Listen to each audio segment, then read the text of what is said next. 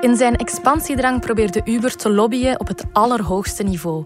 In Frankrijk geraakte de taxidienst tot bij Emmanuel Macron. In Nederland ligt voormalig Europees commissaris Nelly Kroes onder vuur omdat ze lobbywerk deed voor Uber. En je zou toch als politicus een beetje een uh, moreel kompas moeten hebben. Uh, en kijken met wie je omgaat uh, en met wie je niet omgaat. Ook in Brussel veroverde Uber zijn plek met dubieuze praktijken. Is Uber te ver gegaan? Het is vrijdag 15 juli. Ik ben Marie Garé en dit is vandaag de dagelijkse podcast van de Standaard.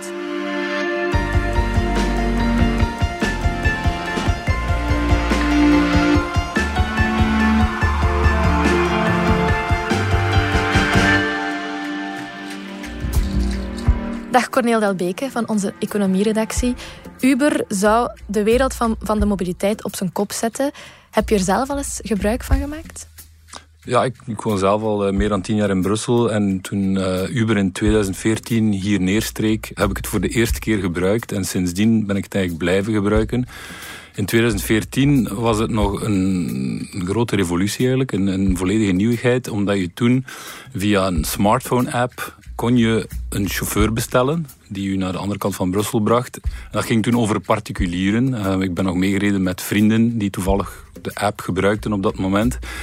Ondertussen werken ze dan wel met chauffeurs die een vergunning hebben. En is het systeem wat veranderd, maar de basis blijft dat je dus via je smartphone-app een ritje kan bestellen. En dan krijg je te zien hoe ver de chauffeur van u vandaan is als je bestelt. Je geeft je bestemming in. Je ziet hoeveel het u zal kosten. Je ziet hoe lang het zal duren. En de afrekening gebeurt ook automatisch. Dus het is een heel makkelijke manier eigenlijk om een taxidienst te bestellen. Ja, de traditionele taxidiensten zijn daar natuurlijk niet mee opgezet, waardoor Uber al langer onder vuur ligt, zeker ook in ons land. Maar wat nu naar boven is gekomen, is wel van heel andere orde. Vertel eens. Ik moet zeggen, in 2014, toen Uber toekwam in Brussel, en dus werkte met particulieren die geen licentie hadden, die ook geen belastingen betaalden. Dus iedereen kon zich gewoon inschrijven op die app om als chauffeur rond te rijden. Ja, dat was natuurlijk een grote revolutie voor de taxichauffeurs die wel veel betaald hebben voor hun vergunning. Die dus ook uh, een opleiding hebben moeten volgen. Die beperkt zijn in aantal. En plotseling werd die markt helemaal opengebroken. Dus van meet af aan kreeg je een groot verzet vanuit die klassieke taxisector tegen die nieuwe speler. En zijn ze meteen naar de rechtbank gestapt, maar ook op straat. Blokkeerden taxichauffeurs Uber-auto's was er zelf geweld uh, die eraan te pas kwam. En uh, was dat terecht? En dat, ja, het was natuurlijk oneerlijke concurrentie, inderdaad. Dat, uh, dat kan je niet onder stoel of banken steken, want iedereen kon het gewoon plotseling doen. Ja, je kreeg plotseling een volledig nieuw speelveld. En wat nu naar boven komt eigenlijk, is vooral de manier waarop Uber zijn landing in Europa heeft ingezet en hoe zij zichzelf hier in de markt hebben gezet. En daarbij ook echt niets of niemand ontzagen. Alle middelen waren goed om zich hier te positioneren op die markt. Zij wisten dat er een strijd ging komen met de taxisector. En zij hebben bijvoorbeeld privédirectives ingehuurd om hun concurrenten te bespioneren. Zij wisten ook dat ze ergens in de illegaliteit werkten. En wat deden ze dus? Ze probeerden controles te saboteren. Zowel van de belastingsdiensten, die, die wel wilden zien van oké, wie rijdt er nu voor Uber en uh, mogen die gegevens hebben. Zij hadden eigenlijk een soort van kill switch waarmee bij een inval meteen alle gegevens afgeschermd werden. Of zij probeerden ook de mystery shoppers van de overheid te infiltreren. Die werden ingezet om Ubers te controleren. Maar wat konden zij doen? Zij zagen van die bepaalde zones waar die controles plaatsvonden en dan sloten ze gewoon hun app af in die zones. Al die praktijken zijn nu aan het licht gekomen doordat de hoofdlobbyist van toen, de Mark McCann, de belangrijkste lobbyist van Uber in Europa, eh, op dat moment heeft die documenten, meer dan 120.000 documenten, interne memo's, uh, mails, uh, WhatsApp-berichtjes, heeft hij gelekt naar de krant The, The Guardian. En die heeft ze dan weer gedeeld met uh, haar netwerk, waaronder ook De Tijd en Knak en Le Soir hier in België. Ons land wordt ook vermeld in die gelekte documenten. Uber lobbyde heel hard voor een nieuw wettelijk kader om legaal te kunnen opereren in Brussel. Maar uit de documenten zou blijken dat het lobbywerk wel erg ver ging. Je noemde Mark McGann al. Die had een heel close band met de toenmalige minister van Mobiliteit, Pascal Smet. Kan je daar iets meer over vertellen? Uber zegt dat ze eigenlijk op dat moment een nieuwe dienst lanceerden, waardoor ze in de illegaliteit opereerden omdat er geen wettelijk kader zou geweest zijn. Dus wat zij wilden was die bestaande taxiwet, waarbij het aantal licenties beperkt is tot 1300 vergunningen. Zij wilden dat opengooien, zij wilden een hervorming daarvan, zodat ook mensen en diensten via smartphones ritjes konden bestellen. En dus dat lobbywerk dat ging inderdaad heel ver. Uh, en het blijkt ook uit die documenten dat die uh, hoofdlobbyist, die Mark McCann, dat die heel close was, mogen we wel zeggen, met Pascal Smet, de toenmalige minister van Mobiliteit. En dat, dat zij regelmatig contact hadden en dat Pascal Smet ook ja, een, voorstander was van een hervorming van die taxisector. Hij probeerde daar eigenlijk nieuwe wetten door te drukken. En dus Uber zag hem als een medestander in uh, zijn streven. Zij vonden dat ook van uh, minister De Croo. Ja, die, die toen minister van Digitale Agenda was, denk ik. Maar die was niet zo nuttig als Pascal Smet. Pascal Smet zat echt aan de knoppen om zo'n nieuwe taxiwet erdoor te krijgen hier in Brussel, wat een heel belangrijke markt was voor Uber op dat moment. En ja, uit die documenten blijkt dat ze wel heel close waren. Pascal Smet kende de man ook al van ervoor.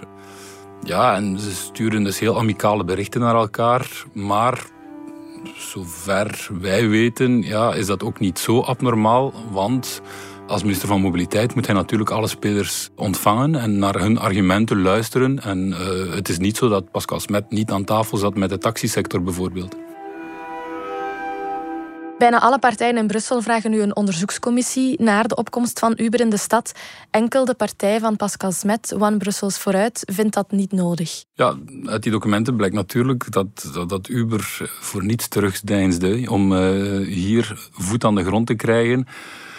Dus ik snap wel dat daar onderzoek naar mag gevoerd worden. Eh, als blijkt dat er inderdaad illegale praktijken zijn geweest, ja, dan mag daar misschien zelf een gerechtelijk onderzoek naar komen. En anderzijds ook ja, de contacten tussen uh, Pascal Smet en die Mark McGann ja, worden omschreven als amicaal, zelf flirterig. Het is natuurlijk de vraag hoe, hoe gezond zo'n contact is op een moment dat je wel over zo'n dossier moet buigen. Dus, maar voor zover we weten is er ook in die contacten wel niets illegaals gebeurd. Dus misschien is dat niet zo slecht als daar een onderzoekscommissie eens naar kan kijken. Volgens het Nederlandse Europarlementslid Agnes Jongerius moet het volledige businessmodel op de schop. Dat zei ze op Radio 1. Wij vinden natuurlijk eigenlijk al een tijdje dat dat hele businessmodel van Uber niet deugt. Hè? Uh, wat ze doen uh, is uh, zeggen die chauffeurs die voor ons rijden, dat zijn geen werknemers, dat zijn zelfstandigen. en daarmee weten ze te voorkomen dat ze door de Belastingdienst en door de sociale zekerheidsorganisaties aangeslagen worden. En hebben mensen dus helemaal geen rechten. Maar als het businessmodel van Uber verboden zou worden, gaan de kosten natuurlijk ook de hoogte in. Is dat de reden waarom zo agressief gelobbyd wordt? Wel, Uber had in zijn ogen vooral geen wettelijk kader voor de manier waarop dat zij werkten. Het oorspronkelijke opzet was, kijk, wij zijn een deelplatform en dus iedereen mag gewoon via onze app een beetje ritjes aanbieden. Wij brengen alleen maar mensen in contact. En dat is dan verder gegaan, dat ze eigenlijk inderdaad wel met mensen werken of chauffeurs werken die vergunningen hebben. Maar de grote vraag die daar altijd blijft boven hangen is, in hoeverre zijn die mensen dan zelfstandig, wat ze nu officieel als statuut hebben, of zijn ze eigenlijk aangestuurd door Uber en door het algoritme kunnen ze hun eigen prijs niet zetten en zijn het eigenlijk zouden het werknemers moeten zijn in plaats van zelfstandigen, omdat ze bepaalde zaken niet controleren. De grote rechtszaken gaan daar ook over. Het wordt overal ter wereld eigenlijk betwist door vakbonden. Die vinden dat Uber en zijn algoritme wel degelijk een echte werkgeversrol heeft ten opzichte van die chauffeurs. Maar ja, Uber betwist dat natuurlijk. En, er zijn heel veel bedrijven die in die deeleconomie op die manier werken. En niet alleen in de deeleconomie. Denk aan PostNL, uh, die ook zijn pakjescouriers als onderaannemers uh, aanstuurt. Dus het is een, een belangrijke vraag ja, in, in de huidige economie, waar nog niet echt uitsluitsel over is. We weten natuurlijk dat Brussel vol zit met lobbyisten. Dat wordt gezien als een natuurlijke gang van zaken tussen politici, de zakenwereld en ook NGO's. Maar wanneer gaat dat lobbywerk dan te ver? Ja, het gaat te ver als er effectief cadeaus worden gegeven aan eh, beleidsmakers. Als er geldsommen zouden overgemaakt worden om een wet door te duwen. Dat zou corruptie zijn. Het lobbywerk, voor alle duidelijkheid, Uber is daar agressief in. De vraag is, gaan ze daarin te ver? Je moet ook weten dat de taxisector lobbyt ook natuurlijk. De klassieke taxisector, we hebben in Vlaanderen gehad. In Vlaanderen is de taxiwet twee jaar geleden hervormd. En dan onder de toenmalige minister van Mobiliteit Ben Wijts en de huidige minister van uh, Mobiliteit uh, Lydia Peters. Op Vlaams niveau dan? Op Vlaams niveau, ja. Dus zij hebben een Vlaamse taxiwet ingesteld. En daar hebben zij op het laatste moment een clausule laten opnemen op vraag van de taxisector dat iedereen die een taxi bestelt, hij moet dat minstens 15 minuten op voorhand doen. Dat was eigenlijk een clausule gewoon om Uber te pesten. Dus het is niet zo dat de klassieke sector niet gehoord wordt. En het lobbywerk komt wel van beide kanten. En natuurlijk, ja, Uber benaderde niet alleen politici, maar nu blijkt ook dat ze toch ja, geld doneerden aan uh, bepaalde vooraanstaande economen om onderzoek te doen naar hun model en daar eigenlijk ja, de, de voordelen van in de verf te zetten. Dat is ook niet heel uitzonderlijk. Er worden wel vaker leerstoelen betaald door bedrijven aan universiteiten. Ja, je kan je afvragen hoe gezond dat is. En zolang die academische integriteit natuurlijk niet geschonden is, ja, dat blijft een moeilijk evenwicht, denk ik. En, een moeilijke vraag ook. En, en zeer moeilijk om te beoordelen er is het voorbeeld van de Toulouse School of Economics, die 100.000 euro zou gekregen hebben om onderzoek te voeren naar het model van Uber. En waaruit zou gebleken zijn dat Uber mensen uit de banlieues helpt aan een job. Ja, als dat effectief een wetenschappelijke conclusie blijkt, dan is dat goed. Als dat onderzoek gemanipuleerd wordt op vraag van Uber, ja, dan gaat het natuurlijk te ver. We gaan er even uit voor een korte boodschap. Mensen zijn onvolmaakte wezens. Iedereen heeft wel eens met zijn geweten geworsteld. Schuld. Je voelt je zo schuldig. Dat ik heel hard aan het werk was. Hun het gevoel van onveiligheid hebben bezorgd. Zij zorg om mij hebben gehad. Het is dat pijnlijke gevoel. Ik was gewoon schuldig. Wanneer je beseft dat je verkeerd gehandeld hebt. Had ik maar. Dan had zij waarschijnlijk gewoon nog geleefd. Mijn schuld. Mijn schuld. Een nieuwe podcast van NRC en De Standaard. Nu te beluisteren in alle podcast-apps. Je hebt daar geen abonnement voor nodig en het is gratis. Ja, Corneel, de gelekte dossiers gaan natuurlijk niet enkel over Brussel. Wie er bijzonder slecht uitkomt is Nelly Kroes. Zij was Europees commissaris voor mededinging van 2004 tot 2010 voor Nederland. Ja, zij was dus verantwoordelijk voor de digitale agenda. En als commissaris was zij eigenlijk een van de grote voorvechters al van Uber. Toen eh, Uber in 2014 hier in Brussel landde, werd het eigenlijk binnen een paar maanden verboden door een rechtbank. Eh, de taxisector was naar de rechtbank gestapt en had gezegd van ja, wij moeten met vergunningen rijden en zij niet, dus dat, dat klopt niet. En de rechtbank heeft inderdaad beslist van ja, we stoppen daarmee. En toen heeft Nelly Kroes echt zwaar uitgehaald naar de toenmalige minister van Mobiliteit, Brigitte Grauwels. Ik ben absoluut verontwaardigd over de beslissing van een rechtbank in Brussel om Uber te verbieden en chauffeurs met 10.000 euro te beboeten voor elke nieuwe rit. Dit is de 19e eeuw niet meer.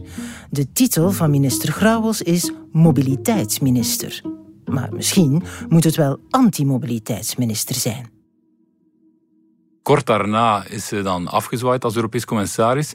En dan heeft ze eigenlijk op minder dan een jaar na dat ze gestopt was, heeft al een eerste aanvraag ingediend om voor Uber te gaan werken. Ze kreeg daarop negatief advies van de commissie, omdat de commissie eigenlijk een afkoelingsperiode aanraadt van ja, 18 maanden, dat commissarissen niet te snel in het bedrijfsleven stappen, omdat er belangenvermengeling zou kunnen zijn. Ze heeft die afkoelingsperiode officieel gerespecteerd. En, en, ze is pas in 2016 is ze voorzitter geworden van de adviesraad van uh, Uber. Maar uit die documenten nu blijkt dat ze eigenlijk al binnen die afkoelingsperiode en ondanks dat negatieve advies van de Europese Commissie toch contacten had met politici zoals Mark Rutte of eh, de burgemeester van Amsterdam over Uber. Zij zelf zegt dat dat in een andere rol was, waar ze wel toestemming voor had, als spokesman voor eh, een start-up consortium. Maar het is toch heel dubieus wat nu blijkt. En ja, die onderhandelingen met Uber waren toen al bezig. Dus ja, het is toch heel discutabel. En ik snap wel dat het moreel kompas in vraag gesteld wordt. Dan. Dan is er ook nog Emmanuel Macron, die ligt ook een klein beetje onder vuur, omdat hij als toenmalig minister van Economie ook contacten had met Uber. Ja, ja het is natuurlijk niet abnormaal dat een eh, minister van Economie contacten heeft met een bedrijf als Uber. Dat inderdaad toch wel voor enige disruptie heeft gezorgd. Dus op zich, zolang hij beide kanten van het verhaal hoort en als hij ook naar de vakbonden luistert, dan lijkt me het goed. Maar de manier waarop Uber natuurlijk heel agressief lobbyde, ja, het voedt een beetje de sfeer van achterkamertjes politiek. En dat straalt negatief af op uh, iemand als Macron, die sowieso al wordt gezien als de president van het grootkapitaal. En als dan een Amerikaanse multinational voor disruptie zorgt in een klassieke sector die heel lokaal is, ja, dan krijg je onvrede en vrevel. Zijn er al strafbare elementen naar voren gekomen? De praktijken die Uber heeft toegepast hier in Europa, spionage en zo, die waren eigenlijk al gedocumenteerd in Amerika. En daar ja, is er wel sprake van strafbare elementen. Als je justitie belemmert om onderzoek te voeren, daar hangen zeker consequenties aan vast. Die wetgeving verschilt een beetje van land tot land. Maar het is in ieder geval zij zelf binnen Uber, die spraken zelf, de topmensen zelf, spraken over illegale toestanden. Zij wisten heel goed dat ze de grens overschreden. Zij verdedigen zich nu gewoon door te zeggen: ja, maar er was geen wettelijk kader op dat moment. Wat natuurlijk maar de vraag is, want ja, met een auto rondrijden als chauffeur, het is zo oud als de straat. En als er dan een application voor aan de pas komt, ja, verandert dat zoveel aan de wetgeving. Daar kan je ook vragen bij stellen. Wat kunnen de gevolgen hiervan zijn? Ja, Uber schudt het nu van zich af en ze hebben wel een, bepaald, eh, een bepaalde loutering achter de rug. Het ding is, deze documenten die slaan op de periode van 2013 tot 2017. En dat was onder het bewind van Travis Kalanick. Uh, hij was de eerste CEO van Uber. En dat was echt een vechtjas. Een straatvechter, een durval, uh, die voor niets terugdeinde. Of het illegaal was of niet, het maakte hem niet veel uit. Hij kwam ook in de problemen toen een filmpje uitkwam waarin hij uitvliegt tegen een van zijn chauffeurs die klaagt over de prijsdaling van de app, waardoor hij natuurlijk minder verdient. I bankrupt because of you. Look, what you changed the whole business. What? What? You dropped the prices on on black. Yes, you did. Bullshit. We started with twenty dollars. We started with twenty dollars. You know what? How much is the mile now? Two seventy five. You know what? What? Some people don't like to take responsibility for I their take responsibility. They blame everything But in their life on somebody an email else. for town card? Good luck. Er zijn genoeg berichten uh, over de vrouwenvriendelijke cultuur uh, binnen het bedrijf, hoe hij constant de grenzen met het legale opzocht.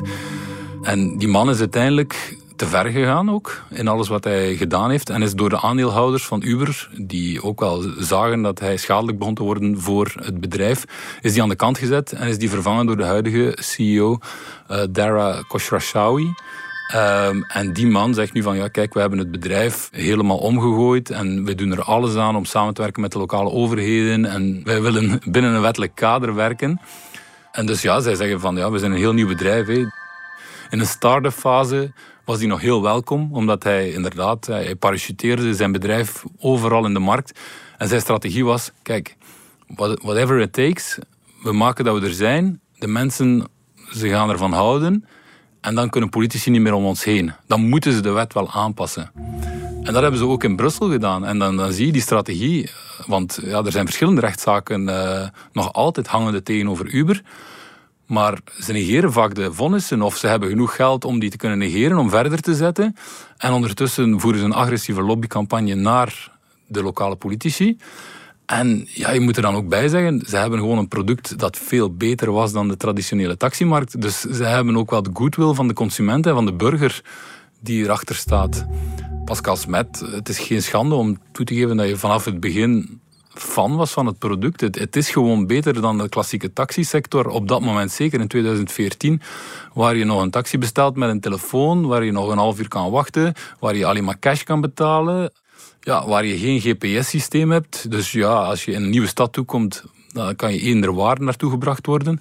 Je hebt daar geen controle op. En plotseling heb je een heel transparant model bijna, toch voor de klant, waar je alles ziet in een, in een simpele app waar je geen cash op eh, zak moet hebben ja, ik snap al waarom mensen ervan houden.